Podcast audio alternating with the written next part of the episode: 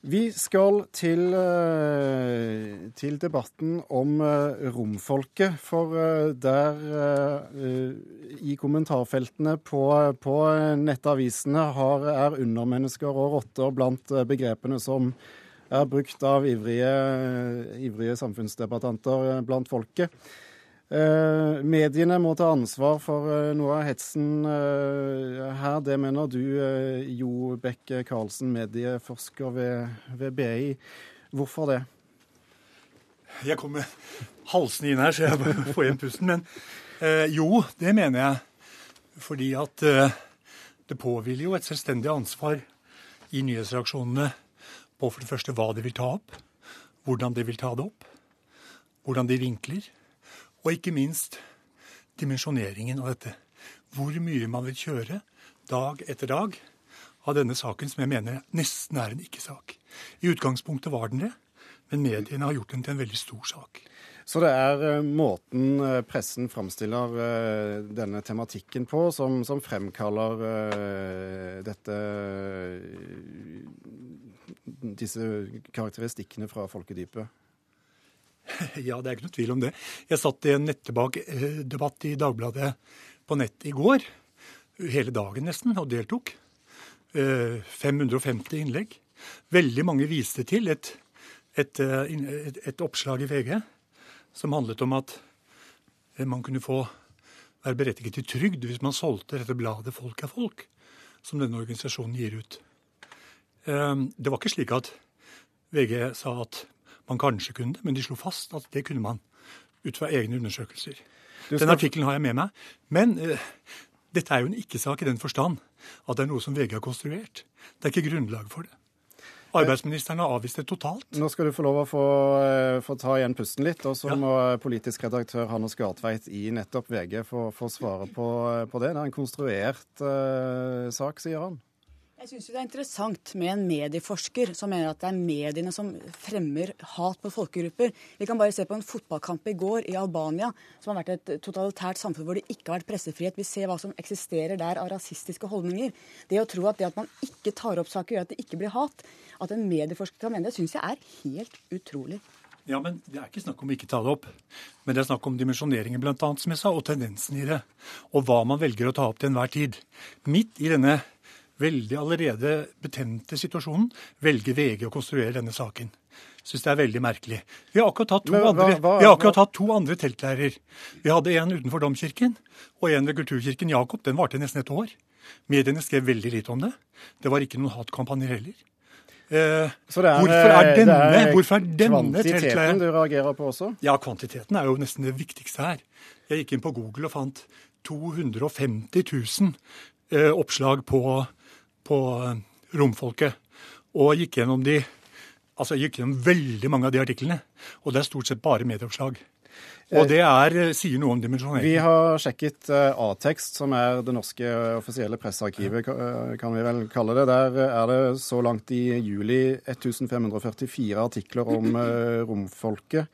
I månedene før har tallet variert mellom 30 og 67. Er du enig i at det er et voldsomt høyt tall? Kommer helt an på hva du ser det i forhold til. Når det gjelder dette med at vi skal ha konstruert denne saken om trygderettigheter, så er det direkte feil. Eh, arbeidsminister Hanne Bursum har håndtert denne saken usedvanlig dårlig. Eh, har, hun har ikke hatt oversikt over hvordan regelverket faktisk er. De har ikke kunnet svare klart på noe som helst. I den første saken vi hadde om dette, da skal jeg gi Beck Karlsen rett, så var vi upresise i den forstand at vi slo fast at det utløste trygderettigheter.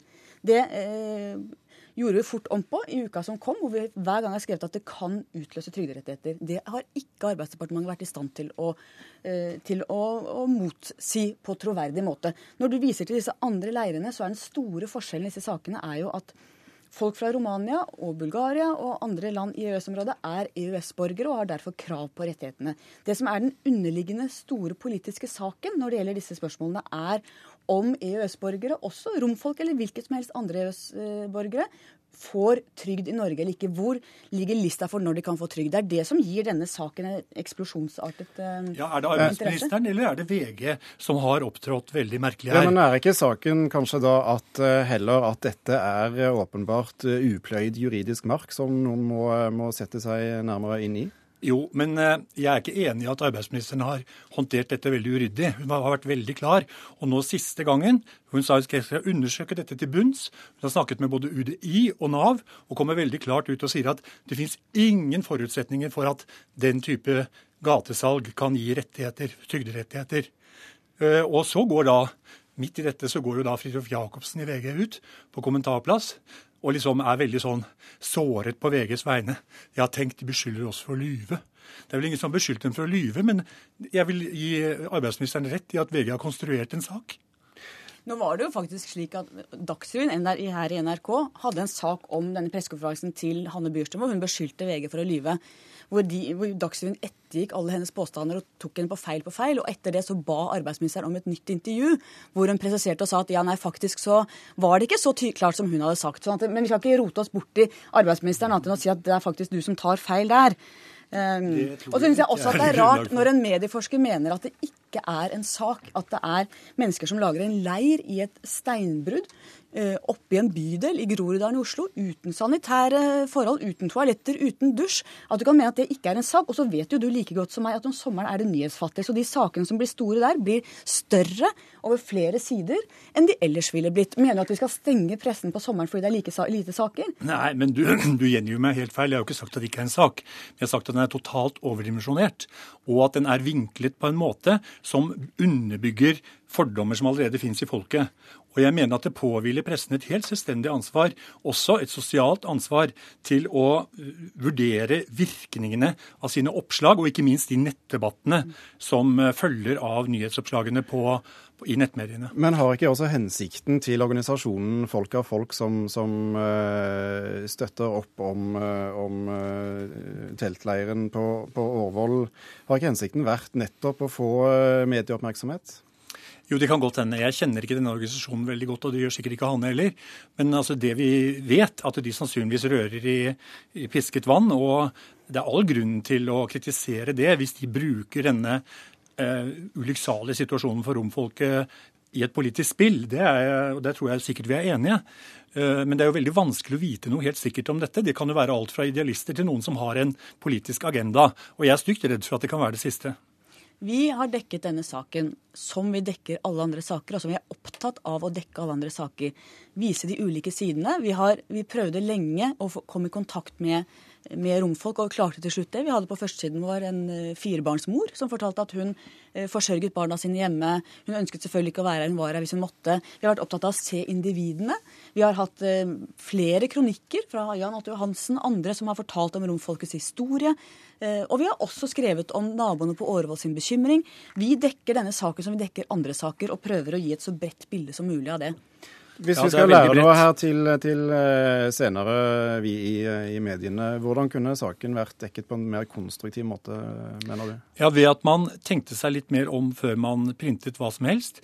Ved at man valgte kilder som ikke bare var Eh, bare var ja, altså alt fra naboer, sinte naboer eh, på Årvoll, og til liksom eh, rasende folk rundt Sofienbergparken. Men at man faktisk prøvde å vise litt oppfinnsomhet i hvordan man, man vinklet og og valgte kilder i denne saken.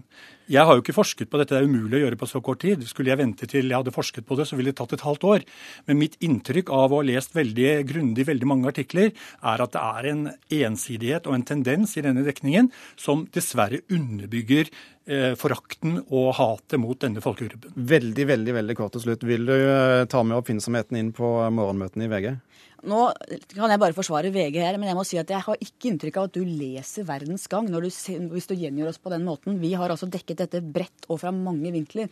Og som medieforsker så bør du jo lese de avisene du uttaler deg om. Ja, men det første jo, der må vi dessverre si tusen takk til Hanne Skartveit fra VG og Jo Bekk Larsen, medieforsker ved BI.